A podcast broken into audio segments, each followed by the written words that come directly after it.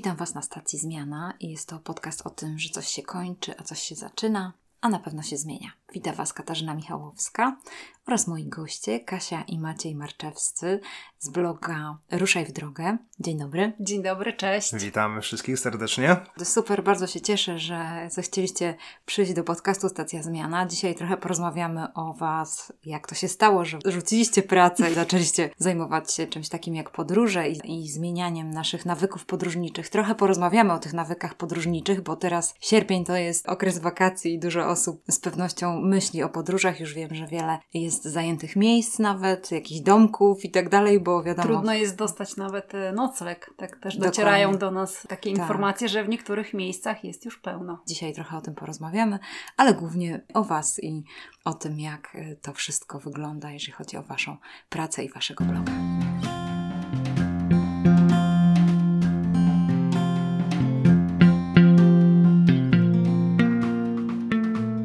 Kasiu i Maćku, powiedzcie mi, no jak to w ogóle się stało, że zaczęliście blogować? No bo y, wiem, że jesteście znakomicie wykształceni, macie wiele różnych talentów i obdarowań, no i z pewnością podejrzewam, że wasi rodzice załamywali ręce, tak podejrzewam, że co wy w ogóle wyprawiacie. Taka wolta w życiu. Tak, taka wolta w życiu się wydarzyła. To jest bardzo ciekawe to, co powiedziałaś, że jesteśmy znakomicie wykształceni. Nie wiem, czy tak bym o sobie powiedział, z bardzo prozaicznego powodu, że tego wykształcenia kompletnie dzisiaj nie używam. Wszystko to, czego się uczyłem w ciągu e, studiów, e, w ciągu liceum, to dzisiaj kompletnie to mi się nie przydaje, więc myślę, że kiedyś sobie z Kasią rozmawialiśmy, to elementy tego wykształcenia, typu jakieś podejście biznesowe, typu możliwość ogarniania wielu rzeczy jednocześnie, czego uczy e, Politechnika Gdańska, bo jednak studia tam na kierunku telekomunikacji są dosyć ciężkimi e, studiami i one przygotowują tak naprawdę do takiego podejścia troszeczkę też biznesowego w, w późniejszym życiu. No to pod tym kątem tak, życiowo nas troszeczkę to przygotowały, aczkolwiek też trochę mocno doświadczyły. To tak jak mówisz Maćku o ciężkich studiach, no to ja przyznam, że na moim e, Wydziale Prawa i, i, i na studiach prawniczych na Uniwersytecie Gdańskim nie było pewnie dużo łatwiej. Praca blogowa nie wiąże się bezpośrednio z zawodem prawnika dzisiaj dla mnie, ale te umiejętności i to, czego się nauczyłam, począwszy od umiejętności brnięcia przez duże ilości tekstu, uczenia się historii, która mi się dzisiaj bardzo, do, bardzo przydaje przy pisaniu przewodników po Polsce, praca pod presją czasu, czy, czy nawet znajomość przepisów i znajomość, umiejętność pisania umów, które prowadząc fundację, no bardzo się to przydaje.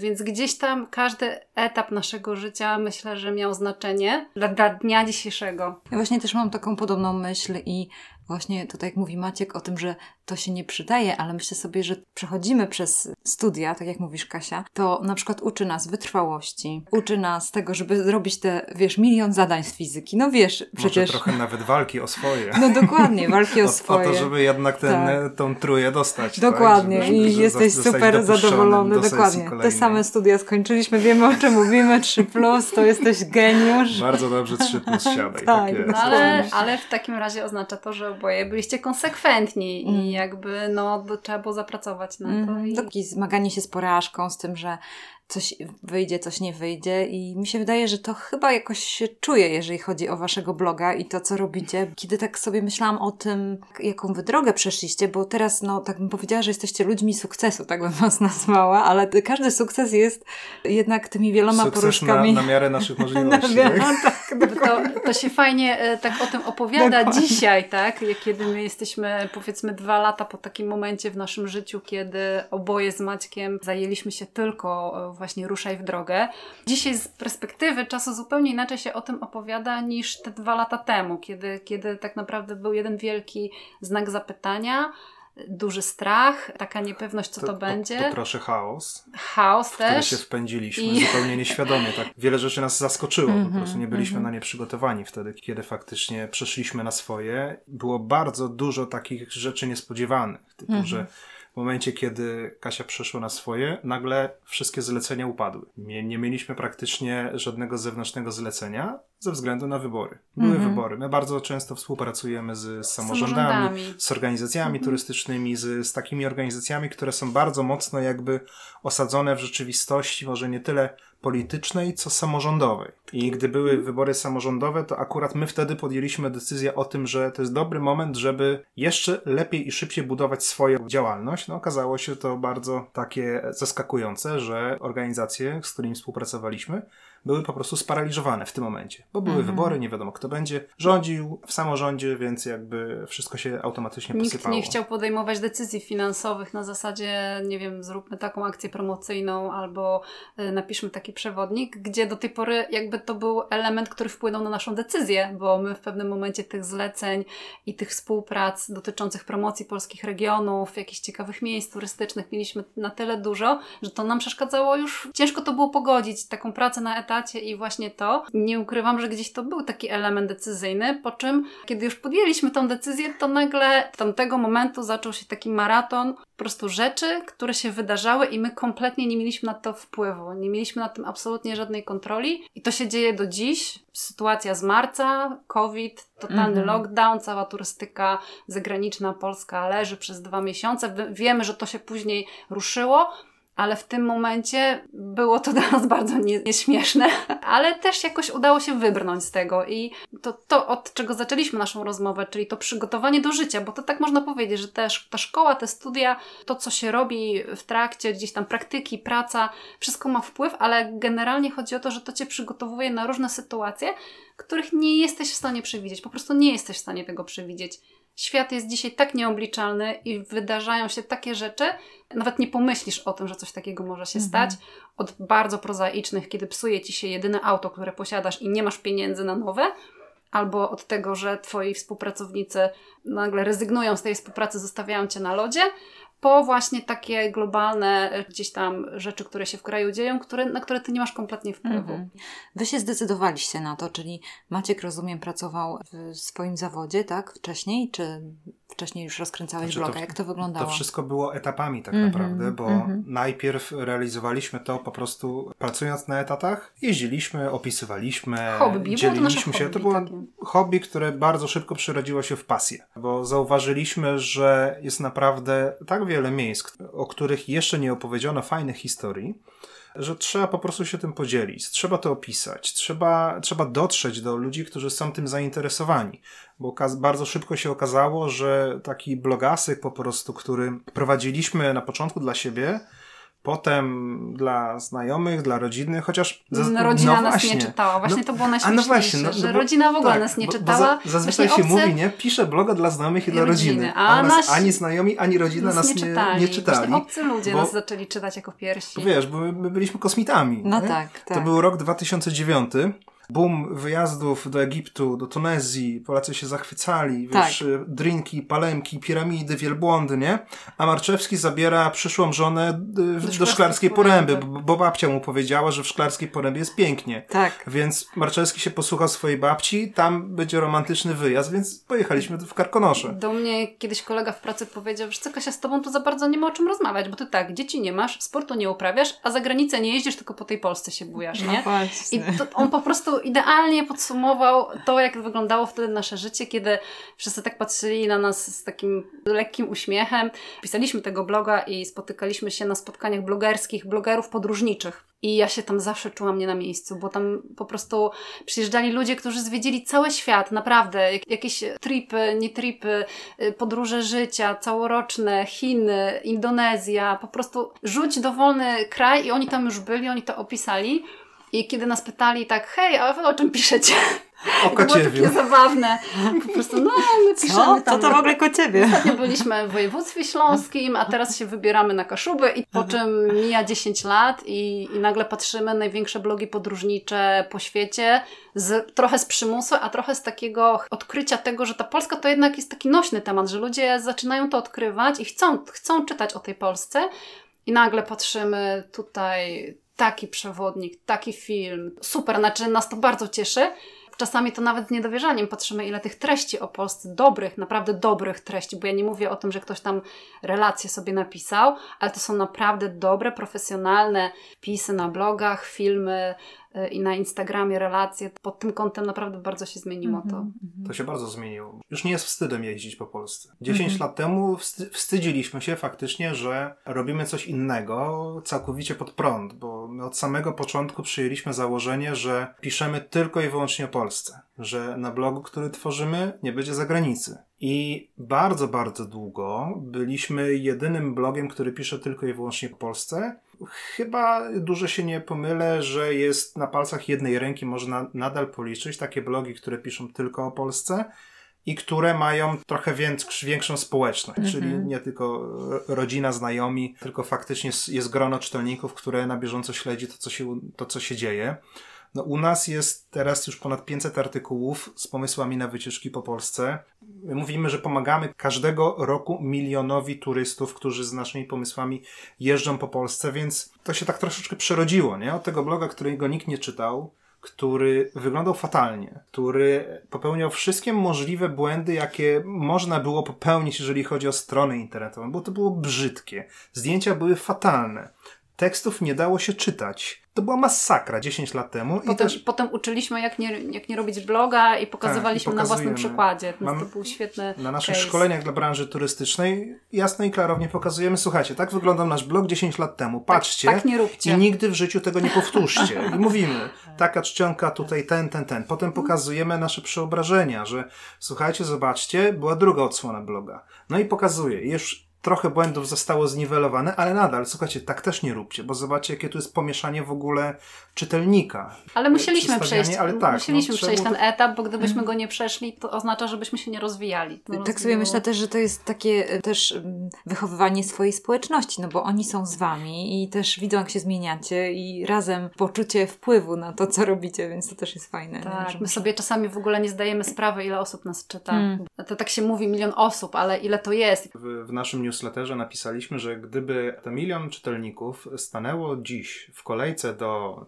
Europejskiego Centrum Solidarności w Gdańsku i stałoby w miarę w rozsądnych odległościach i ustawiałoby się wzdłuż drogi krajowej 7 w kierunku Warszawy, to ostatnia osoba stałaby teraz gdzieś pomiędzy Warszawą a Lublinem, a na wejście do ECS-u czekałaby około 2-3 miesięcy. Ale ja wiem, czy to w jakikolwiek sposób na nas wpływa? No chyba nie. My cały czas robimy to samo, cały czas robimy swoje i staramy się cały czas rozwijać, nie? I, Ale też y, wpły- wpływa, moim zdaniem wpływa, dlatego że ludzie do nas piszą, komentują, mówią, co im się podoba, co im się nie podoba. Bardzo łatwo jest wyczuć nastroje. No, my sobie od początku przyjęliśmy, że będziemy pisać tylko pozytywne treści, że w internecie jest tak dużo negatywnych y, informacji i w, i w ogóle treści takich, no, które nie prowadzą do, do niczego dobrego, że przyjęliśmy sobie za zasadę, że tylko będziemy pisać o, o dobrych miejscach i te miejsca polecać, bo szkoda nam czasu i energii po prostu na pisanie o złych miejscach i przestrzeganie ludzi, y, żeby tam nie jeździli. Nasi, nasi czytelnicy wiedzą, że jeżeli my o czymś napiszemy, oni już się przyzwyczaili przez te 10 lat,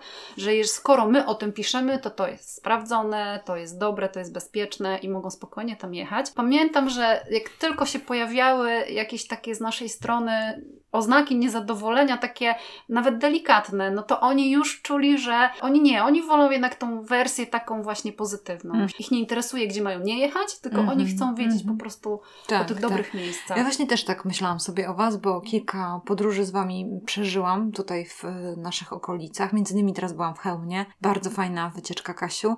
Też myślałam sobie, że mówicie o tych pozytywnych rzeczach, bo widziałam Mhm. też te mniej pozytywne. No wiadomo, jak jedzie się do jakiegoś miasteczka, to Mhm. widzisz coś fajnego, widzisz coś niefajnego, ale o tym rozmawialiśmy z rodziną, o tych niefajnych rzeczach. To znaczy, my to też, to też nie jest tak, że my to zostawiamy jakby bez echa, bo my dajemy feedback o negatywnych rzeczach, ale do najbardziej zainteresowanych. Czyli przykładowo, jeżeli robimy akcję promocyjną i docieramy do miejsca, gdzie po prostu my wiemy, że my byśmy tego miejsca nie polecili, to wtedy idzie zawsze taki raport, zdajemy y, dodatkowo właśnie naszym partnerom, którymi robimy te akcje. Słuchajcie, tu macie problem, to poprawcie. O tym nie napiszemy, bo nie puścimy tutaj y, turystów, nie zaproponujemy im tego miejsca, bo oni się tam poczują jak niechciany gość, jakiś intrus. Zawsze ten feedback od nas wychodzi. Później zdarza się, nie jest to częste, ale zdarza się, I, I to nas najbardziej cieszy, gdzie dochodzą informacje, że to się poprawiło. Tak? Że Mhm. na przykład jakaś atrakcja była zamknięta, a okazuje się, że otworzyli się dla turystów. I my w tym upatrujemy naszego wpływu. Czyli dobre rzeczy dla turystów, żeby oni wiedzieli, gdzie jechać, złe rzeczy do najbardziej zainteresowanych, czyli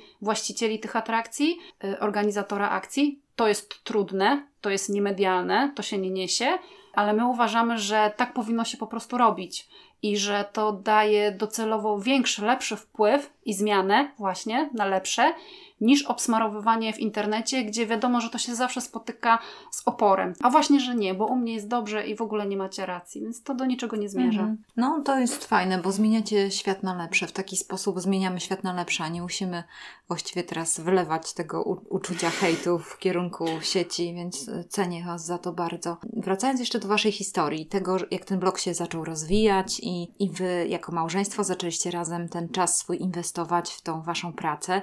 To teraz mi powiedzcie, czy wy zdecydowaliście się zostawić swoją pracę zawodową w jednym momencie, czy po prostu zdecydowaliście się jakoś w różny sposób, że najpierw Maciej zrezygnował, Kasia, jak to wyglądało? To był proces. Mm. To był skom- skomplikowany proces i mnóstwo decyzji, które trzeba było podjąć. Mnóstwo takich decyzji wcale niełatwych i nieoczywistych, bo też w zasadzie zrobiliśmy to zupełnie inaczej ni- niż wszyscy. Bo jak rzucasz korporację i ruszasz w podróż dookoła świata, no to zazwyczaj decyzja jest, dobra, mamy wszystkiego dosyć, rzucamy robotę, pakujemy, się w, dwa, pakujemy się w dwa plecaki, bo już mamy wszystkiego serdecznie dosyć, żegnamy z rodziną, jakby wycieramy chusteczką ok- oczy naszej płaczącej matki i ruszamy za granicę. U nas by to nie zadziałało z kilku prostych powodów, że jesteśmy za porządni, za bardzo uporządkowani, za perfekcyjni. Ja Poza jestem tym- ok- okrutnym, strasznym perfekcjonistą.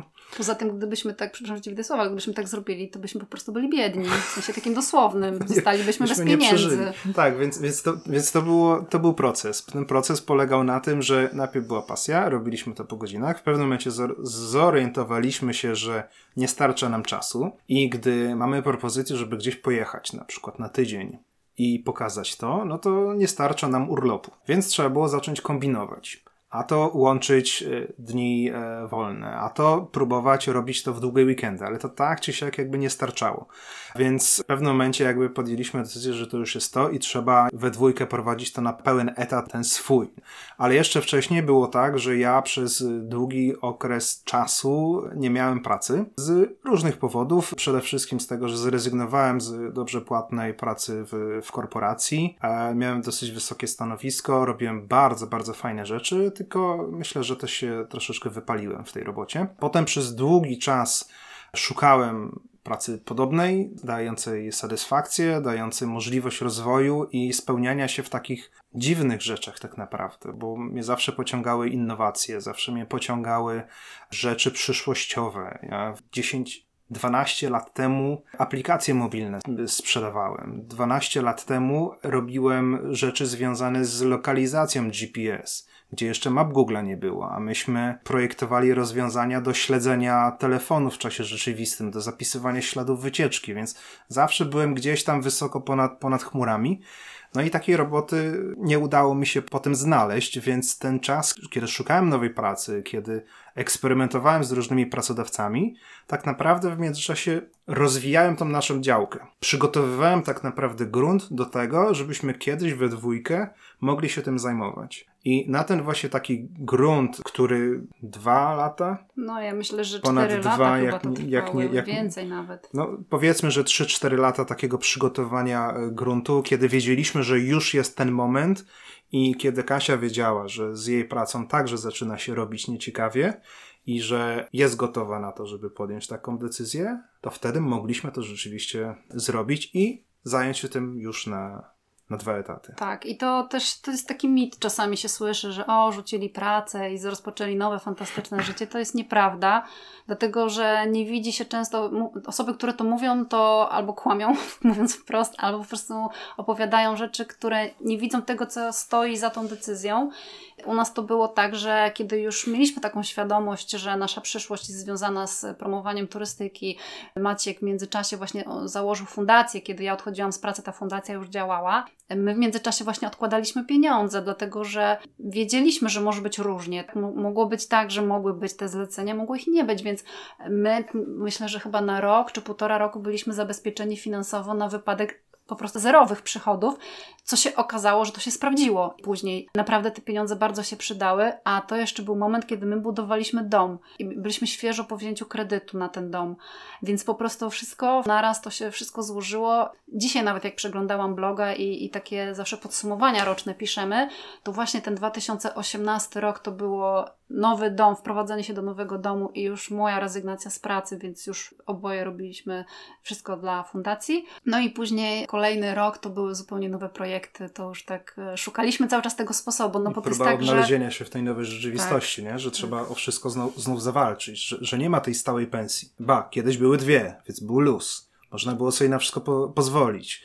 Dwie dobre pensje umożliwiły wzięcie kredytu y, na atrakcyjnych warunkach wybudowanie domu. Potem była jedna pensja, no nie było takiego luzu, ale jednak tak czy siak było to komfortowe, że co miesiąc wiedzieliśmy, że do tego piątego faktycznie ta pensja wejdzie. No a wtedy, kiedy tej pensji już nie ma, no to nagle się okazuje, że z miesiąca na miesiąc te oszczędności zaczynają topnieć. Topnieć, tak. E, wypłacasz sobie jakieś 500 zł, e, bo na więcej cię nie stać, żeby chociaż było na, na chleb. No i nagle się okazuje, że jesteś w stanie rzeczywiście za, za 600 zł w miesiącu się najeść, przeżyć i jeszcze opłacić benzynę i się to da. Oczywiście, to oczywiście wymusiło zmianę nawyków naszych, mhm. różnych e, zwyczajów naszych osobistych, ale to było tak, że za, zamykały się przed nami drzwi, a my ciągle szukaliśmy tego otwartego okna. I kiedy tak patrzymy wstecz na ten proces, co się, jak to się wszystko działo, to okazało się, że my w tym okresie byliśmy bardzo elastyczni. To znaczy, tak jak Maciek wcześniej wspomniał, zamykały się te zlecenia czy te współprace samorządowe, to wymyślaliśmy coś innego. Robiliśmy szkolenia dla branży turystycznej. Potem jakby te szkolenia też upadły. No to... Bo skończyły się pieniądze, skończyły tak. się dofinansowania rządowe. Myśmy w złym momencie też trafili, tak, gdzie, że, gdzie te największe było... pieniądze na szkolenia już były wydane. No, by, był taki flow, że wszyscy się szkolili, więc w tym momencie my zaczynaliśmy etap szkoleń. Zrobiliśmy dwa duże, fajne szkolenia dla samorządów. No i w momencie, kiedy kończyliśmy drugie, zostało przecięte dofinansowanie. Praktycznie Znowu, podjęliśmy decyzję, która. Za późno. Była, tak, zdecydowanie spóźniona. Przez co musieliśmy znowu zarzucić ten projekt i wymyślić kolejny. A z tyłu głowy ciągle mieliśmy takie, tak, taką myśl, że my musimy mieć swoje rzeczy, swoje produkty, swoje usługi, bo tylko to jest w stanie nas potem utrzymać. I olbrzymim wysiłkiem, naprawdę ja do dziś nie wiem, jak myśmy to zrobili, mając tyle spraw na głowie, napisaliśmy przewodnik. I ten przewodnik pisaliśmy 9 miesięcy. Ja się śmieję, że to jak ciąża po prostu, że jak już go urodziliśmy w końcu, to to było takie uff. Ale to robiliśmy pomiędzy zleceniem i rzeczywiście potem czas pokazał, że ta książka nas uratowała. Mhm. Jaka to była książka? E, przewodnik Ruszaj w Bieszczady. Mhm. Twój przewodnik na 14 dni w Bieszczadach. Ten kawałek papieru to jest 140 stron Gdyby nie ta książka, myślę, że dzisiaj moglibyśmy nie rozmawiać, bo byśmy, nie wiem, nie mieli czasu, bo byśmy siedzieli na kasie w Biedronce. Albo byśmy zamykali Albo w ogóle byśmy gdzieś wyjeżdżali, bo, bo już było naprawdę bardzo, bardzo źle. Tylko i wyłącznie dzięki temu, że wydaliśmy książkę, że wydaliśmy ją samodzielnie, bo bez wydawcy, bez grafika, bez jakichś składów. E, Myśmy chyba jedyna... nawet redakcji nie mieli pierwszej. Jak... Pierwsza, znaczy e-book nie poszedł. E-book nie poszedł, e nie poszedł do, redakcji, do, redakcji, bo to też była taka sprawa, że nas po prostu najzwyczajniej w świecie nie było stać na wydanie tej książki, więc tyle, co mogliśmy, nauczyliśmy się sami, bo Maciek nauczył się programu do składania, różne po prostu siedział w internecie, kursy, nie kursy, YouTube i tak dalej się tego uczył. Ja robiłam olbrzymi research i znowu tu mi się przydała ta umiejętność brnięcia przez te książki grube i tekst i tak dalej, żeby te historie wyłuskać. Więc to, co mogliśmy, zrobiliśmy sami. No i oczywiście wyłożyliśmy się na ostatnim etapie, czyli musieliśmy mieć tam dosłownie chyba 6 tysięcy złotych na wydruk książki, pierwsze tysiąc tam, czy ileś egzemplarzy, nie pamiętam ile to było egzemplarzy. No i znowu, siedzieliśmy, zastanawialiśmy no, więcej, się, jak tam to jeszcze zrobić. te dodatkowe koszty jakby wchodziły, ale Tak, ogólnie... jeszcze sklep trzeba było, przecież to wszystko jakby, no. no jak to sprzedać, że to podatkowo, nie, no po prostu kosmos. Tam no, była, myśmy tam była myśmy, masakra, jakieś kasy ogóle... fiskalne, jakieś te, wiesz, my nie, nie, nie wiedzieliśmy, z czym to się wiąże, takie kompletnie w co się książki. ładujemy, nie, bo, bo była wizja, że, że wiesz, fajnie będzie, jak, jak, tej, jak dwie książki w ciągu dnia się sprzedadzą, bo to jak się sprzedadzą dwie książki za 40 zł, to razy 30 to jest 60 książek, tak, czyli to daje jakieś tam dodatkowe, tam pieniądze. 1000-2000 złotych jest super, nie? Poza tym, ile, ile, co trzeba, żeby wydać i sprzedać książkę? No błagam, no przecież to jedna książka jest No. tylko. No Co- jak się co- zaczęliśmy dowiadywać, jak to, z czym to jest związane. No więc w każdym razie skończyło się tak, że stwierdziliśmy, że dobra, to najpierw wydajemy e-booka, nie? No bo jakby treść jest treścią, zdjęcia piękne, wszystko ładnie skład, nie mamy kasy na papier, ale robimy e-booka i jednocześnie ogłosiliśmy wśród naszej społeczności, że słuchajcie, nie mamy pieniędzy na wydruk książki, jakbyście nam wpłacili darowizny i to byśmy wspólnie tą książkę wydali. Po prostu zwróciliśmy się do naszej społeczności o pomoc, tak w skrócie mówiąc. I jakież było nasze zdziwienie, olbrzymie, bo my zakładaliśmy, to było, myśmy chyba w maju się zwrócili i zakładaliśmy, że do grudnia, tak liczyliśmy, że do grudnia być może uzbieramy, to na kolejny rok wydamy książkę. Po trzech tygodniach czterech Maciek już musiał szykować plik do druku. Myśmy No, byli w tak proszę. ciężkim szoku po Mhm. prostu. Nasza społeczność, właśnie to o czym Kasiu mówiłaś, tak, że ludzie, którzy byli z nami długo od początku, znali nas i to nam pokazało siłę zaufania, Mhm. ponieważ ja sobie niczym innym tego nie tłumaczę. Ci ludzie, jaki mieli interes w tym, żeby nam pomagać ja rozumiem, ktoś może powiedzieć, no tak, ale oni wpłacali, bo przecież na pewno im wysłaliście tą książkę. Tak, tylko że ta książka w sprzedaży była xx razy tańsza w stosunku do kwot, które wpłacali, Mm. wpłacały nam te osoby. Co więcej, później, kiedy ta sprzedaż książek już ruszyła, zaczęły dalej te darowizny wpływać od osób, które kupiły książkę. Więc dla nas to była, no chyba nie ma lepszego jakby takiego dowodu zaufania, że ktoś, kto kupił Twoją książkę, przeczytał ją, zapoznał się z tym, co Ty robisz i jeszcze dodatkowo Ci wpłacił na przykład Tak. darowiznę dla fundacji z taką informacją, że robicie super rzeczy i, i bardzo mi się to podoba, działajcie dalej i czekamy Mm. na kolejne. Naprawdę No. niesamowita historia i też to, że e, zostaliście obdarzeni zaufaniem i to jest takie, no, taki wielki bonus. I, Tak. taka... I to nas napędza, teraz Tak, my tak. też czujemy takie zobowiązanie teraz, bo Mhm. Bo to jest też tak, że, że jesteś zmęczony tym wszystkim i tak już myślisz, mówisz sobie, kurczę, no może bym odpuścił. Nie, bo są te osoby, one ci ufają i wiesz dla kogo i po co to robisz. To Mhm. jest super. Mhm. Właśnie to jest to, czego mi w mojej pracy brakowało, że ja tak nie do końca czułam, że moja praca ma sens. Znaczy, ja wychodziłam z takiego założenia, że to, co ja robię, może robić dokładnie każda inna osoba. Wystarczy, że się czegoś tam więcej może nauczy.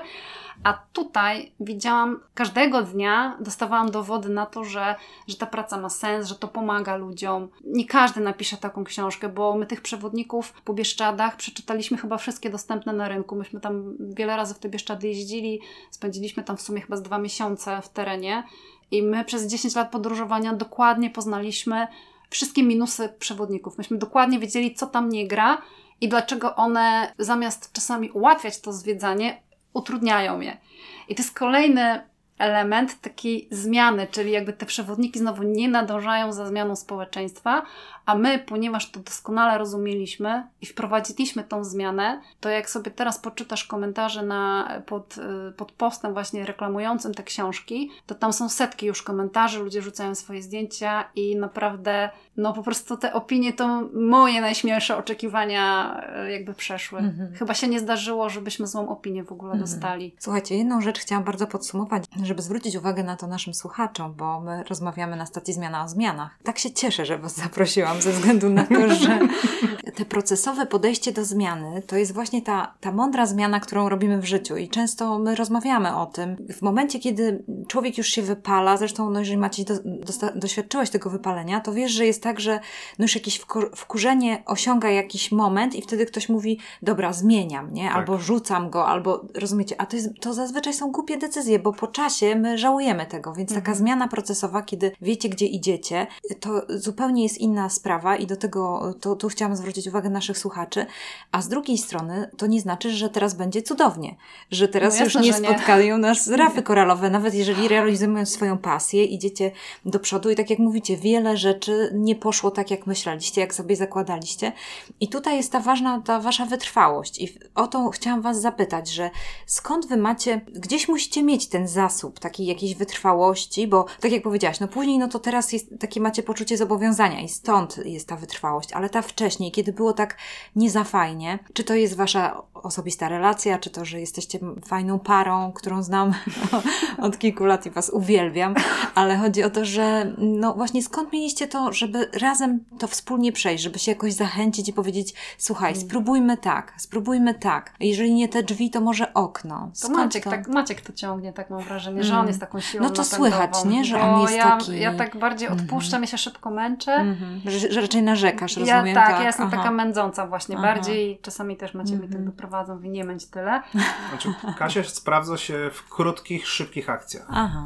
Jeżeli jest coś szybkiego do, do, do zrobienia, y, gdzie na swojej liście zadań papierowej ona będzie w stanie sobie szybko ten krzyżyk odznaczyć, że, że to zrobiła, no to wtedy jest sz- szczęście całkowite, prawda? Widzę postęp. E, Tak, bo, bo faktycznie jest coś namacalnego. A ja, wydaje mi się, że przez te doświadczenia w, na studiach i przez to, że zaczynałem swoją karierę zawodową jako programista, gdzie no musi się babrać w tym kodzie. Musisz siedzieć. Często jest tak, że żeby pojawiło się, nie wiem, coś wyskoczyło z ekranu, jakiś, nie wiem, e, jakiś, jakiś element, który ma być czerwony, to musisz przez 4 czy 5 dni siedzieć przed, przed tym komputerem, bo okazuje się, że wyskakuje ci coś zielonego. I jeszcze nie dość, że, że kwadratowego, a ty potrzebujesz kółko. Przez te doświadczenia ja chyba sobie też troszeczkę takiego e, dziwnego podejścia. Jakiegoś takiego uporu, że nauczyłeś się Upór, tego upór. upór totalny. To jest jego drugie no. imię. To jest, to jest totalny Mhm. po prostu upór. Tak. E, Jeżeli ja sobie coś wmówię, że, że taka coś prostu. zrobię, Mhm. to cokolwiek by się waliło i paliło, ja to zrobię. Mhm. Chyba, że w tak zwanym międzyczasie dojdę do wniosku, że to, co robię, jest bez sensu. To wtedy Mhm. nie ma problemu. To, to okej, dobra, pomyliłem się, sorry, przepraszam, Mhm. zrobiłem błąd. Nie mam z tym kompletnie kłopotu. Ale jeżeli widzę, że coś ma sens, widzę, że, że ta fundacja, którą zaczęliśmy budować te 4 lata temu, ma szansę na to, żeby, żeby w ogóle działać, że, że jest sens, żebyśmy to robili, że, że pomagamy nie tylko czytelnikom, e, nie tylko tym turystom, tylko także samorządom, którzy też są troszeczkę zagubieni w, w teraz w, w, w swojej drodze, bo przewodniki, które były Już widzą tą różnicę, już, już to dostrzegają teraz. Y, Tak, no, no najgorsze jest, trochę zmieniając temat, mieliśmy takie szkolenia pod tytułem Skuteczny marketing turystyczny, w którym pokazywaliśmy wszystkie błędy, które robią przewodniki papierowe, ulotki, to wszystko, co znajdujemy na, na targach turystycznych. I jasno i klarownie pokazujemy, jak to robią samorządy nie do końca dobrze i w jak prosty i łatwy sposób można to poprawić. Naj, najgorszym momentem y, dla uczestników tych szkoleń było to, kiedy oni uświadamiali sobie, że to wcale nie jest trudne do, do poprawienia. I jeszcze gorsze było to, jak wracali do domów i jak sprawdzali to, co robili do tej pory. I w momencie, kiedy dostawali potem od agencji turystycznych, od, od jakichś podwykonawców te teksty, to oni się łapali za głowę i wiedzieli w jaki sposób jakby Wiedzieli, to na co szybko... zwracać uwagę. Na co w końcu, w końcu mogą zwracać uwagę. I, i, to, I to też było niesamowite dla nas takie doświadczenie, że jesteśmy w stanie zmienić myślenie. I wystarczyło to 8 godzin szkoleniowych, żeby praktycznie złamać każdego tak naprawdę. Mhm. Jego myśl, kierunek myślenia, myślenia. zmienić kierunek Mhm. myślenia. To było bardzo pociągające dla nas właśnie. Ta nasza praca, te nasze rozkminki, to co myśmy rozkładali na, przez 10 lat na czynniki pierwsze i potrafiliśmy w końcu to nazwać, opracowaliśmy to w jakiś sensowny system.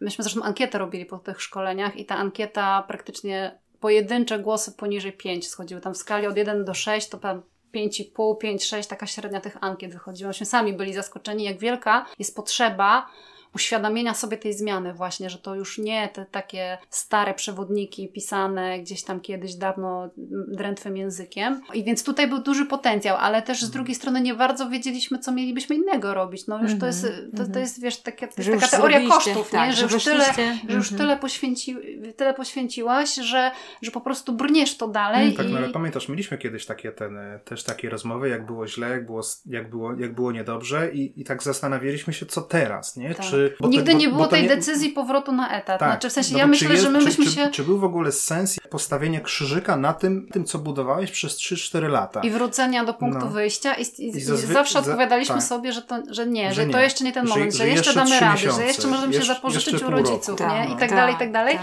Po prostu zamknęliśmy sobie w głowie tą drogę i szukaliśmy to i to nas jakby, to spowodowało kreatywne rozwiązania, tak? Mhm. Bo gdybyśmy tak może myśleli szablonowo, to w obliczu takiego problemu, wyzwania, wrócilibyśmy do tego, co znamy, co jest bezpieczne. Etat był bardzo bezpieczny, etat był super, etat to było wynagrodzenie co miesiąc, to było, to, popełniłeś błąd, to nie był twój problem, tylko twojego szefa, który za to odpowiadał. Jakby, no wiesz, pracownik odpowiada tam chyba do trzykrotności swojego wynagrodzenia, a jak na rozrabia, to jakby jest to na koszt firmy, więc ja po prostu podziwiam i szanuję wszystkie osoby, które zatrudniają pracowników. Dla mnie to jest po prostu wow, szapoba i naprawdę, bo wiem jakie to jest trudne teraz też z perspektywy osoby, która z etatu przeniosła się do własnej działalności, mimo że my nie zatrudniamy e, pracowników, więc, więc etat pod tym kątem był super, urlop, przychodziłeś do domu, jeżeli się miało jeszcze normalną pracę, to się zamykały jakieś tematy. Tutaj już w pewnym momencie stwierdziliśmy, że ten etat jest dla nas wykluczeniem, w sensie już my już nie chcemy, nie potrafilibyśmy wrócić pod czyjeś, pod czyjś nadzór. Mhm. Już byliśmy tak daleko Y, samodzielni, że nie wyobrażaliśmy sobie tego, więc zamykając sobie tą drogę, nagle szukaliśmy bardzo kreatywnie nowych rozwiązań. Y, I chyba to też y, pomogło nam brnąć do przodu pomimo tych jakichś tam przeciwności losu. No i właśnie ten Maćka upór, który ja mnie on czasami przeraża, prawdę mówiąc. W sensie to ma dobre i złe strony, mm, tak? Wiadomo, bo, tak bo każda jest... dobra cecha ma swoją tak, zresztą... dokładnie. No, jakby to jest tak, że z jednej strony to jest super, tak? Że jak macie coś sobie postanowi, to on to zrobi. I on pod tym względem jest słowny, konsekwentny, uparty, ale bardzo ciężko go odwieść od tej decyzji. To ja też musiałam się nauczyć i bardzo długo, dużo czasu mi to zajęło. Argumentować. Argumentować, czyli, bo Maćka da się przekonać, ale trzeba użyć jakby racjonalnych argumentów. Ja przy nim zeszłam z takiego poziomu emocjonalnego. Ja byłam bardzo emocjonalna, żeby nie powiedzieć roztrzęsiona emocjonalnie w wielu aspektach, a przy Maćku nauczyłam się takiego racjonalnego myślenia. Ja w ogóle myślę, że kobiety w ogóle też mogą się dużo od mężczyzn nauczyć, a mężczyźni od kobiet. I to działa w obie strony, bo tak jak obserwowałam moich kolegów nawet z pracy, ja pracowałam w firmie, gdzie była jednak większość mężczyzn i obserwowałam Maćka i podpatrywałam te sposoby ich zachowania. Właśnie tą pewność siebie, że oni, oni nigdy nie popełniają błędów, oni zawsze, nawet jak coś ten, to nigdy nie jest ich wina. Jak zawsze mówił mój kolega, jak cię złapią za rękę, mów, że to nie twoja ręka. Takie zasady wyznają. Natomiast kobiety zauważyłam, że tak trochę słabiej się oceniają. W sensie, no umiem, ale tam czegoś może nie wiem do końca i tak dalej. I ja się tego uczyłam od Maćka, tak? -hmm. Takiego bycia odważnym i bycia konsekwentnym. Mm, próbowania, nie? Próbowania, mm -hmm. tak, dokładnie. Tak, tak. Ja bym powiedziała to o Macieju właśnie, że on jest taki, że próbuje, ale to też jest fajne w tobie Maciej, że ty też masz taką w sobie wolę też do zachęcania innych, bo ja też sama tego doświadczyłam, że wiem, że jak coś tam by było, to wiem, że mogę się do ciebie zwrócić i ty pomożesz, nie? To jest naprawdę bardzo fajne. Maciek wszystkim pomaga, tak, nigdy tak. nikomu nie odmówił Dokładnie. pomocy. Mhm. No, że właśnie jest takim sobie. prawdziwym liderem, nie? Więc to jest tak. fajne, że, że jesteście taką fajną parą. Maciej jest naprawdę takim prawdziwym przywódcą, liderem. Tak Moja rola to jest z kolei właśnie... Nauka wrażliwości. Tak, uwrażliwianie tak, go. Uwrażliwienia. Bo, tak, I takiego wprowadzania jednak mimo wszystko większej mm. emocjonalności do mm. związku, bo na początku to, u Maćka to było tak, albo mnie ktoś kocha, albo mnie nienawidzi. Mm. Nie? Mhm. Czarne, białe, nie ma pośrodka. Wy Maciej, tak nie można. Jakby życie nie jest takie czarne i białe. No, są różne sytuacje, są różne osoby. Ty nie możesz, jeżeli ktoś nie odpowiada twoim, twoim kryteriom, tak w skrócie, no to jednak czasami trzeba z tym zrozumieniem, z takim wyjść, że może ta osoba po prostu ma jakieś problemy, albo nie wiem, no różne takie rzeczy tłumaczyłam. Nam chyba pomaga to, że oboje jesteśmy introwertykami i bardzo dużo rzeczy tak przemyśliwamy sobie ja dodatkowo też jestem taką większą wrażliwość może mam, co mi czasami przeszkadza w życiu, ale czasami pomaga, na pewno pomaga przy pisaniu tekstów. No i gdzieś tam to się chyba uzupełnia i to mm -hmm. tak po prostu mm -hmm. Kulamy ten wózek. Więc ja chciałam Wam zadać pytanie o to, ale sami odpowiedzieliście na nie, bo to wiecie, jest taki stereotyp o tym, że małżeństwo, które razem pracuje, to, to nie jest dobrze. Najlepiej było, żeby oni oddzielnie pracowali, ale słuchajcie, ja wiem sama, że, że to jest y, często dobra rzecz, dlatego że Zobaczcie, jak wiele się nauczyliście o sobie. Jesteście świetnym teamem. Uzupełniacie się w wielu dziedzinach i to bardzo fajnie procentuje na ten produkt wasz, który macie. Nie? Ja myślę, że to jest też kwestia charakterów. Dwoje introwertyków w małżeństwie to jest my dwoje przeciwko całemu światu. Mhm. Nie? Tak naprawdę. Tak główne, główne, główne niebezpieczeństwo jest takie w, w małżeństwie introwertyków, że oni się w tym swoim świecie zamkną i nie będą kompletnie nikogo do tego świata swojego zapraszać. Więc to jest jakby ten, ten minus. Ale przez ten upór i przez to, że jeżeli my gdziekolwiek idziemy, to zawsze idziemy w jednym kierunku, bo ja nie przypominam sobie sytuacji, żebyśmy szli w rozbieżnych kierunkach, żebyśmy coś robili, kiedy. Czasami inne, kiedy, inne sposoby e, jakby... dobieramy, ale Ale z, zawsze, zawsze idziemy kierunku, tam sam, no. tak, tak, tak, tak samo, bo od samego początku znajomości doskonale się rozumieliśmy. Myślę, że to też w dużej mierze zadecydowało o tym, że nadal jesteśmy razem, bo jeżeli sobie postanowimy, że idziemy tam, to my tam pójdziemy. Ja pójdę prostą ścieżką, powoli i, i swoim jakby tempem. Ja zygzakiem. Kasia zygzakiem. Szybciej, gdzieś tam wolniej, pole... gdzieś tam, gdzieś odpocznę, gdzieś się przewrócę, ale generalnie dojdziemy do tego samego punktu. Poza tym jest taka teoria, która mówi, że żeby małżeństwo było takie stabilne, to trzeba robić razem ekscytujące rzeczy. Niekoniecznie szalone, jakieś bardzo takie, że tam dopływ adrenaliny i tak dalej, ale ekscytujące w znaczeniu takim, że inne niż robisz codziennie, zazwyczaj, żeby jakby wyrwać się z tej rutyny. I ja pamiętam jak dziś, myśmy byli młodym małżeństwem i tak trochę w żartach, trochę na serio mówię do Maćka, Maćku, jak ty chcesz, żeby nasze małżeństwo było trwałe, to ty mnie musisz cały czas czymś zaskakiwać. I po prostu Maciek sobie tak wziął to do serca, że on od tamtej pory, za każdym razem, kiedy ja już po prostu mówię, Maciek, ja już nie daję rady, po prostu zwolnijmy. Kasiu, ja dbam o jakość naszego małżeństwa, nie chcę, żebyś się nudziła, więc ja ci dostarczam wrażeń.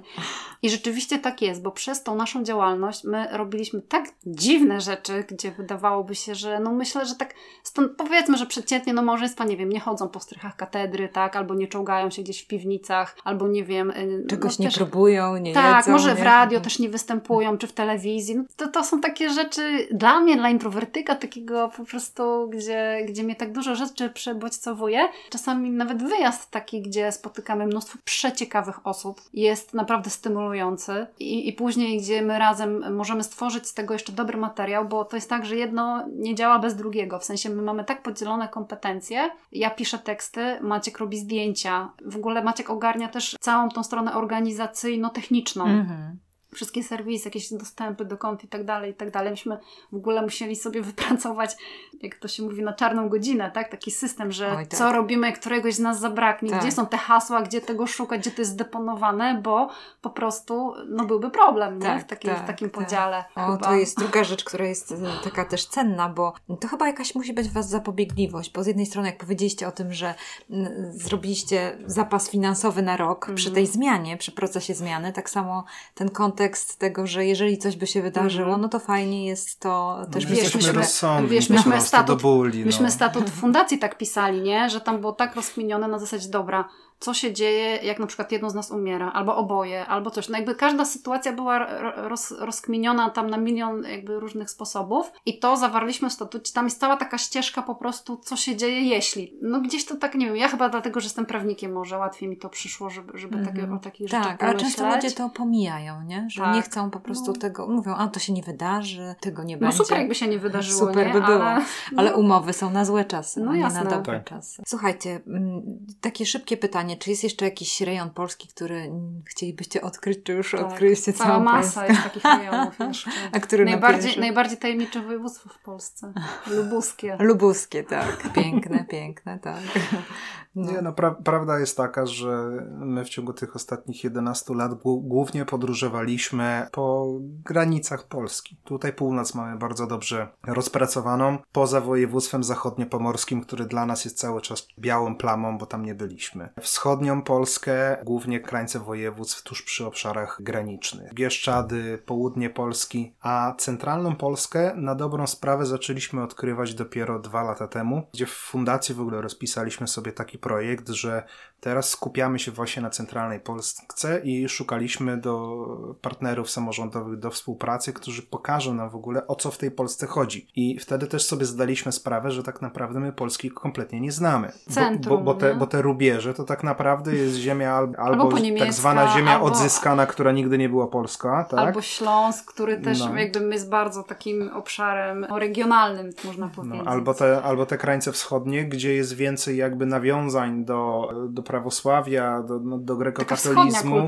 do wschodniej sprawę, kultury, niż Tatarzy, takie typowo jakby polskie związanie z Gnieznem, z Poznaniem, Tak. e, czy z Mazowszem. Nie? Mhm. My tego przez 8 lat w ogóle kompletnie nie odkrywaliśmy, nie znaliśmy, więc te nasze odkrycia, jeżeli chodzi o Polskę, one cały czas ewoluują. Mhm. Teraz na przykład bardzo się skupiamy tutaj na naszej najbliższej okolicy. Na tym, żeby tutaj e, ten teren e, jak najlepiej opisać, żeby wydać książki. Wydaliśmy teraz, bardzo mocno jesteśmy związani emocjonalnie z, z żuławami. Przez co, jak się e, nadarzyła okazja do tego, żeby współpracować z Malborkiem i namówić Malbork, żeby promował się pod kątem także, że Malbork jest bramą żuław, że, że on leży na tych żuławach i że tak naprawdę on jest świetnym miejscem wypadowym do tego, żeby te żuławy zwiedzać, no to bardzo szybko przyklasnęliśmy, powiedzieliśmy, wchodzimy w to, robimy, działamy, bo żuławy po prostu uwielbiamy i kochamy i wszystko byśmy zrobili, żeby tylko te żuławy były bardziej wypromowane. Dlatego też napisaliśmy przewodnik Ruszaj w drogę na Malbork i żuławy, który jest za darmo dostępny dla każdego turysty, który przyjeżdża do Malborka. Mhm. Jesteśmy bardzo emocjonalnie związani też z Kociewiem, które odkrywaliśmy przez 5 lat, zwiedzaliśmy kolejne atrakcje. Kaszuby trochę też znamy. Bardziej na wschód jadąc, Warmia, Warmia i Mazury, Mazury to był nasz które, konik przez ostatnie które dwa lata też, też odkrywaliśmy tak w sposób nieoczywisty. Jak promowaliśmy Mazury, to poszliśmy do Warmińsko-Mazurskiej Regionalnej Organizacji Turystycznej z bardzo prostym pomysłem. Pierwsza nasza wspólna akcja promocyjna z województwem. Pojedziemy do województwa, ale pod jednym warunkiem. Nie wspomnimy ani razu, że są Mazury. Tylko będziemy promować Tylko Warmię. Będziemy promować no Warmię, no więc tak, to był Warmia. pierwszy taki troszeczkę... Ja jestem z Warmii, więc wiem o co Super. chodzi. No właśnie, więc jakby od tego zaczynaliśmy, a potem jak już zrobiliśmy tą Warmię i jak mówiliśmy sobie, dobra, to zróbmy te Mazury, no to znowu warunek postawiłem. Dobra, jedziemy na Mazury, ale nie wspominamy ani razu, że na Mazurach są jeziora. No i, I też to zrobiliśmy. Mazury wiesz. kulturowo, szukaliśmy rdzennych Mazurów i mhm. opisywaliśmy ich kulturę Super. i coś, co już tak trochę zapomniana jest dzisiaj. Też staramy się to odkryć. My mamy też duże szczęście do partnerów. Naprawdę, tak jak analizujemy to, co te, te wszystkie przewodniki, które napisaliśmy, czy z organizacjami turystycznymi, czy z samorządami, my zawsze mieliśmy wolną rękę. Zawsze to było tak, że albo my wychodziliśmy z pomysłem, tak jak chcieliśmy promować Kaszuby zachodnie, zachodnie południowe, Powiśle, to też był taki nasz pomysł. Nie wiem w sumie do dziś, jak nam się to udało, ale my tam zebraliśmy pięciu, namówiliśmy pięciu partnerów do wspólnej akcji i Maciek potrafił tym wszystkim zarządzić. Po prostu wszystkimi umowami, upór, upór. wszystkimi po prostu tak, kontaktami ale mhm. faktycznie zrobiliśmy to tak według naszego pomysłu. Tak samo ta Warmia, ta, tak samo Mazury, tak samo inne rzeczy i oni, jakby ci partnerzy wierzyli w to, co my robimy. Oni nam ufali. Właśnie to było to, że, że oni nam zaufali, że my to zrobimy dobrze, dzięki czemu to skutkowało tym, że my mieliśmy wolną rękę i mogliśmy realizować te nasze pomysły, te, to, co my chcieliśmy pokazać na blogu.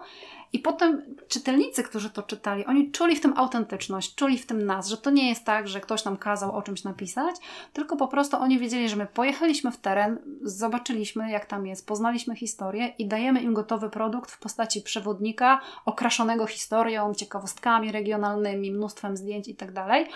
I to jest taka nasza zasada, którą my się zawsze kierujemy: win, win, win. Każdy musi wygrać. Musi wygrać przede wszystkim turysta, dla którego my działamy. Musi wygrać nasz partner, e, któremu bardzo zależy na tym, żeby wypromować swój region, i my musimy czerpać z tego satysfakcję. To mhm. Musimy mieć takie poczucie, że, że my to robimy według naszego pomysłu i tak, jak my byśmy to chcieli, bo w przeciwnym razie to by się chyba niczym po prostu mhm. do nie różniło a jakby za dużo, za długą drogę już przeszliśmy mm-hmm. od tamtego punktu, żeby dzisiaj robić rzeczy inne niż własne, takie własne pomysły. I to jest super. Po prostu tego się nie da wycenić i tego się nie odda już potem za żadne pieniądze. Mm-hmm. Ktoś, kto raz spróbował takiej wolności i samodzielności i jeszcze zobaczył, że to wychodzi, to jest już najprostsza nawyki, droga tak, taka, żeby dokładnie. iść dalej. się zmieniły nawyki też, jeżeli chodzi o pracę. Ale y, mam taki jeszcze taką myśl a propos Was, że realizujecie takie moje osobiste marzenie, to też tak mogę powiedzieć. To bardzo nam miło. tak, ze względu na to, że moja siostra, no ona kiedyś wyemigrowała, bo z Olsztyna, wiecie, wyemigrowała do Niemiec i tam często jestem u niej, często, wiecie, ta niemiecka kultura i uwielbiam Niemców, jak oni opowiadają o swoim kraju. Oni też, no przepiękne tam mają regiony, przeróżne. Wiem, że Polacy nie jeżdżą niestety do Niemiec na wakacje. Ja bardzo często jeżdżę na wakacje i trochę sobie tych Niemiec y, poglądałam, ale bardzo żałowałam tego, że o Polsce tak nie opowiadamy i wy, mhm. wy jesteście takimi osobami, które właśnie to robią i wspaniale opowiadacie. Ja nie widziałam żadnego takiego programu w telewizji. Mam nadzieję, że kiedyś będziecie mieli taki program w telewizji, że będziecie przybliżać ludziom w telewizji, bo to tak do tego mhm. jakby mainstreamu moglibyście bardziej się dobić, ale w kontekście tego miliona i tych waszych odbiorców, Polaków ogólnie ma, mając ten przekrót, czy widzicie, że zmieniły się te nawyki podróżnicze ludzi, że oni, no właśnie może mniej trochę, tak jak mówił tutaj Maciej, mhm. wyjazdu z tą palemką, a, a bardziej y, pokochali Polskę. Wiesz co, przede wszystkim wydaje mi się, że pośpiech To jest takie słowo, klucz chyba, od którego możemy wyjść, jeśli chodzi o, o nawyki podróżnicze. To znaczy, statystyki mówią, że większość Polaków pracuje na etacie i to przeważająca większość. I teraz na etacie to jest tak, że ty masz jakiś tam urlop, w który musisz się wstrzelić. Nie zawsze on zależy od ciebie, nie zawsze on zależy jakby, a jeszcze jak pracujesz ty i twój partner czy partnerka, to już w ogóle jest czasami ekwilibrystyka, żeby ten urlop wziąć. Ogarnąć dzieci, ogarnąć psa, kota, kwiaty, ogródek i tak dalej. I nie ma czasu, po prostu ludzie nie mają dzisiaj czasu, żeby ślęczać w internecie i po prostu układać sobie program wycieczki. I to jest taka moja osobista teoria, że z tego między innymi wzięła się popularność biur podróży i zagranicznych e, wycieczek, bo ja pamiętam moją ciocię, która szła do sklepu po bułki i wracała z wycieczką do Egiptu, nie? To było na tej zasadzie, no kupowała coś, gotowy produkt e, i, i po prostu jechała potem na Mhm, wakacje. mhm. Nie wiem, czy to wynika z tego, że w Polsce się to nie opłaca, czy może, czy może nie poznaliśmy tych właściwych biur podróży. Mam wrażenie, że takich zorganizowanych wycieczek po Polsce jest mniej, ale widzę wyraźnie, że to, co my robimy, że te przewodniki, gdzie dajemy gotowe pomysły, bo tam są dokładnie zaplanowane dni. Dzień pierwszy robisz to, dzień drugi to, dzień trzeci, robisz coś innego. Mało tego, to jest tak opracowane, że to się da zrobić. My po prostu bierzemy pod uwagę godziny otwarcia atrakcji, dni otwarcia tych atrakcji, jak daleko są od siebie te atrakcje, ile czasu spędzisz, bo w jednym muzeum spędzisz 3 godziny, a w drugim pół godziny i tak dalej. Więc my to wszystko, jak taki program komputerowy, Mhm. analizujemy, Mhm. analizujemy, analizujemy i z tego wychodzi przewodnik. I widzimy, że trafiliśmy po prostu w dziesiątkę z tymi właśnie pomysłami na wycieczki, bo sami wiemy, ile to zajmuje czasu i to tylko Maciek miał taką cierpliwość, żeby się przebrnąć przez ten internet i to wszystko poukładać w jakiś sensowny sposób. I myśmy się tego 10 lat uczyli. To jest 10 lat po prostu rzeczy, które bez przerwy nas zaskakiwały, a też wtedy pracowaliśmy na etatach. E, Więc to jest to, że dzisiaj jest potrzeba gotowego, sprawdzonego pomysłu od osoby, której turyści mogą zaufać. Mhm. Że jeżeli pojadą w jakieś miejsce, to się nie zawiodą, nie nadzieją na coś. Więc to mi tak przychodzi e, coś takiego I czy w myślicie, że pierwszej wtedy na przykład jest tak, że więcej ludzi teraz korzysta w Polsce z takich, z tych waszych pomysłów, czy teraz na pewno w COVID-zie To, mniej to jest ludzi? wyjątkowa sytuacja, no bo Dokładnie, nie można tak, było wyjeżdżać tak. za granicę, więc tutaj Dokładnie. naturalnie, Mhm. naturalne było to, że oni muszą sobie znaleźć, więc oni jechali tam, gdzie, gdzie słyszeli, tak? Czyli to, co znali, czyli znali Tatry, znali Bałtyk, znali takie bardzo popularne miejsca, które po prostu miały pieniądze na to, żeby się wypromować, ale też nie ukrywajmy, no są jakąś tam perełką, tak? No bo Mhm. trudno powiedzieć, żeby Tatry nie były perełką po, w Polsce. Natomiast my widzimy coraz większe zainteresowanie tematami właśnie kierunki Polski i co ciekawe, takimi miejscami nieoczywistymi. Właśnie Jeśli się dostanie właśnie taki pr- sprawdzony pomysł na wycieczkę, to ludzie bardzo chętnie tam pojadą. No proszę. Bo nawet patrząc po, po tym eksperymencie, który zrobiliśmy z, z tą drugą książką o powiecie świeckim, Mhm. wy, wy, wydali, Maćku. wydaliśmy książkę pod tytułem Ruszaj w powiat świecki. Ona tak się nazywa. Mhm. No i kiedy, kiedy myślimy sobie tak jako typowi turyści, czy jakbyśmy byli w jakiejś księgarni, to czy sięgnęlibyśmy po książkę Ruszaj w powiat świecki i czy ona by nas zachęciła do tego, żeby zorganizować swoje, sobie, swój wymarzony urlop, no to powiedziałbym, że no, miałbym duże wątpliwości. Wyobraźmy sobie, że my tej książki sprzedaliśmy cały pierwszy nakład i musieliśmy zrobić je dodruk po 9 miesiącach. Dlaczego? Z bardzo prostego powodu, że ludzie przyzwyczajeni do tego, że książka o Bieszczadach jest zrobiona ze sprawdzonymi pomysłami na wycieczki, gdzie wszystko mają za, jakby zaplanowane, to oni bardzo chętnie też sięgają po nieoczywiste regiony, Po kolejne, jeżeli tylko wiedzą, że to będzie sprawdzone, zaplanowane, nie będą musieli się niczym tak naprawdę przejmować. No na dobrą sprawę, je, jedynym zmartwieniem jest tylko i wyłącznie znalezieniem sobie noclegu. Mhm. Bo my noclegów nie pokazujemy, bo to jest za dużo zmiennych, nie? Bo Tak, to, to, to ka- każdy... Nasz program już by tego nie, tak, nie przeliczył. budżet, y, czy taki pokój, czy nie taki, y, taki kolory ścian, to tego jest za dużo, to, to każdy sobie dobiera, ale to, Okazuje co się, robić w terenie, wystarczy naprawdę podsunąć ludziom taką ściągę Mhm. i oni bardzo chętnie z tego skorzystają. Niezależnie gdzie to jest tak naprawdę w Polsce. w prasie, w telewizji, gdzieś w internecie często się takie zdjęcia pojawiają obleganych właśnie, że tyle tłumy turystów i tak dalej. Ja dzisiaj czytałam na fejs- dzisiaj albo wczoraj na Facebooku właśnie Bieszczadzki Park Narodowy podawał dane i rzeczywiście tam o, o połowę tam turystów było więcej, ale oni napisali, że wciąż mało turystów mamy na szlakach i wymienili te szlaki. I właśnie to jest klucz tego problemu całego, że ponieważ my jeździmy, jakby jako ludzie jeździmy w miejsca, które znamy, to teraz chodzi o to, żeby pokazać ludziom, że są jeszcze inne miejsca, właśnie zaproponować im, tak, że słuchajcie, okej, są Bieszczady, są te najważniejsze, najpopularniejsze szlaki, ale jeśli naprawdę chcecie pójść gdzieś, gdzie, jeżeli przeszkadza Wam tłum, bo nie wszystkim przeszkadza. Są osoby, które spokojnie się w tym odnajdują i im to nie przeszkadza.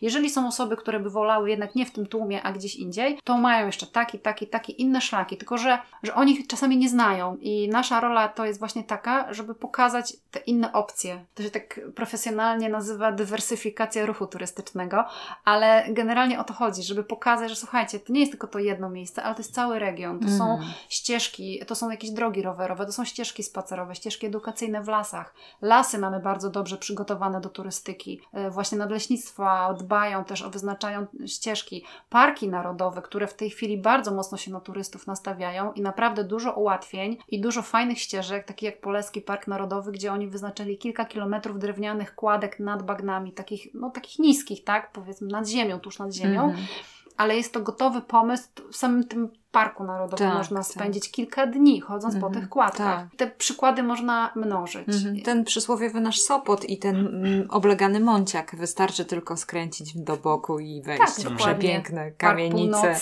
dokładnie. sobie odpocząć w cieniu. I fajnie to zobaczyć. Więc słuchajcie, jeżeli jeszcze nie macie zaplanowanego urlopu albo może byście chcieli wyskoczyć sobie na jakiś dzień, tak jak ja to zrobiłam, właśnie z portalem Ruszaj w drogę. To było bardzo fajne, bo Kasia tam wszystko opisała. Ja sobie tylko korzystałam z tych Twoich Super, propozycji. bardzo się cieszę. No miód na moje serce po prostu, jak to mówisz, to naprawdę nie no to, ma większej nagrody no, dla mnie. Takie Super. Słowa, I, to było, I to jest fajne, dlatego że wtedy, jeżeli miałam trochę mniej czasu, no to wiedziałam, że nie będę mogła na przykład wejść tutaj i tutaj, ale tak. kiedyś wrócę sobie i zajrzę sobie, sobie problemu, dokładnie. Tak. Więc to jest fajne, że, że można to zrobić, więc na pewno polecam te opisy Waszej, te wycieczki i, i to wszystko. Oprócz tego jeszcze te przewodniki, o których opowiadacie, ale coś jeszcze mm, wiem, że coś nowego szykujecie, więc proszę, żeby Maciej o tym powiedział, zdradził.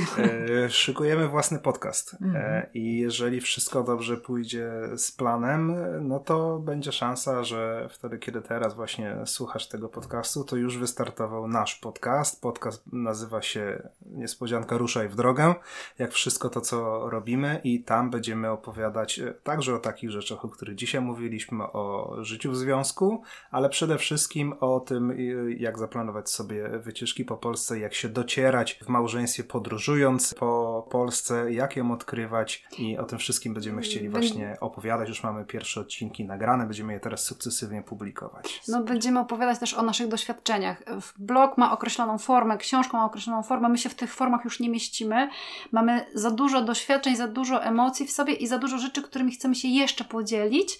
I mamy nadzieję, że ten podcast pomoże nam też te nasze doświadczenia jeszcze bardziej pokazać, podzielić się i zachęcić właśnie mhm. wszystkich, którzy może szukają gdzieś tych pomysłów albo nie są pewni, jak to zorganizować. Wszystkie takie też praktyczne informacje chcemy tam mhm. zamieszczać. Także no, pomysłów na te odcinki mamy oho i jeszcze trochę i ruszamy, ruszamy z nowym okay. projektem. Tak. Czyli po prostu, że tak powiem, teraz jestem dumna z siebie, bo zauważyłam w tym właśnie w Was ten potencjał, Wy moglibyście taki podcast mieć i naprawdę super. Cieszę się, że to zrobicie, więc będę słuchaczką. W każdym razie, jeżeli to będzie możliwe, to podlinkuję ten e, podcast e, do naszego odcinka. Bardzo dziękujemy Kasiu za zaproszenie do Twojego podcastu, mhm. bo, bo to jest pierwszy podcast tak naprawdę, który nas tak ujawnia, że tak powiem i, i też nasze życie, bo my bardzo rzadko opowiadamy no, o swoim życiu, gdzieś tam mhm. może w podsumowaniach na blogu, ale, ale cieszę się, że wyciągnęłaś z nas trochę tych informacji, bo my mhm. jako też introwertycy trochę no, rzadko się tym dzielimy.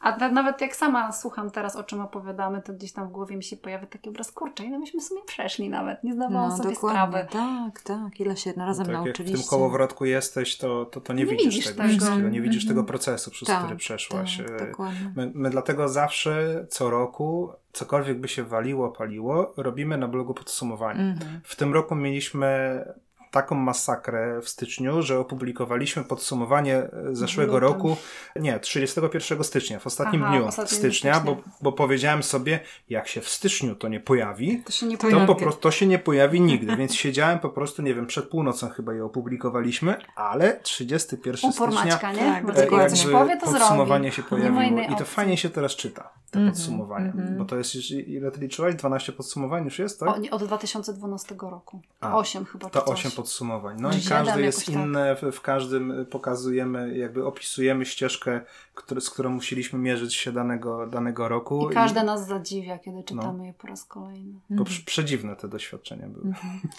Super. Bardzo Wam dziękuję za to, że przyjęliście zaproszenie, żeby być na stacji zmiana. Dziękuję Wam za Wasze mądre zmiany i taki przykład tego, jak mądrze podchodzić do zmiany i jak być mądrym w podjęciu tych wyzwań i przechodzeniu przez porażki. Dziękuję Wam bardzo i życzę Wam naprawdę, żebyście się rozwijali, rozwijali swoją relację coraz bardziej, żebyście się jeszcze bardziej kochali, żebyście też byli takim przykładem dla innych. Dzięki bardzo dziękujemy. Dzięki wielkie za zaproszenie.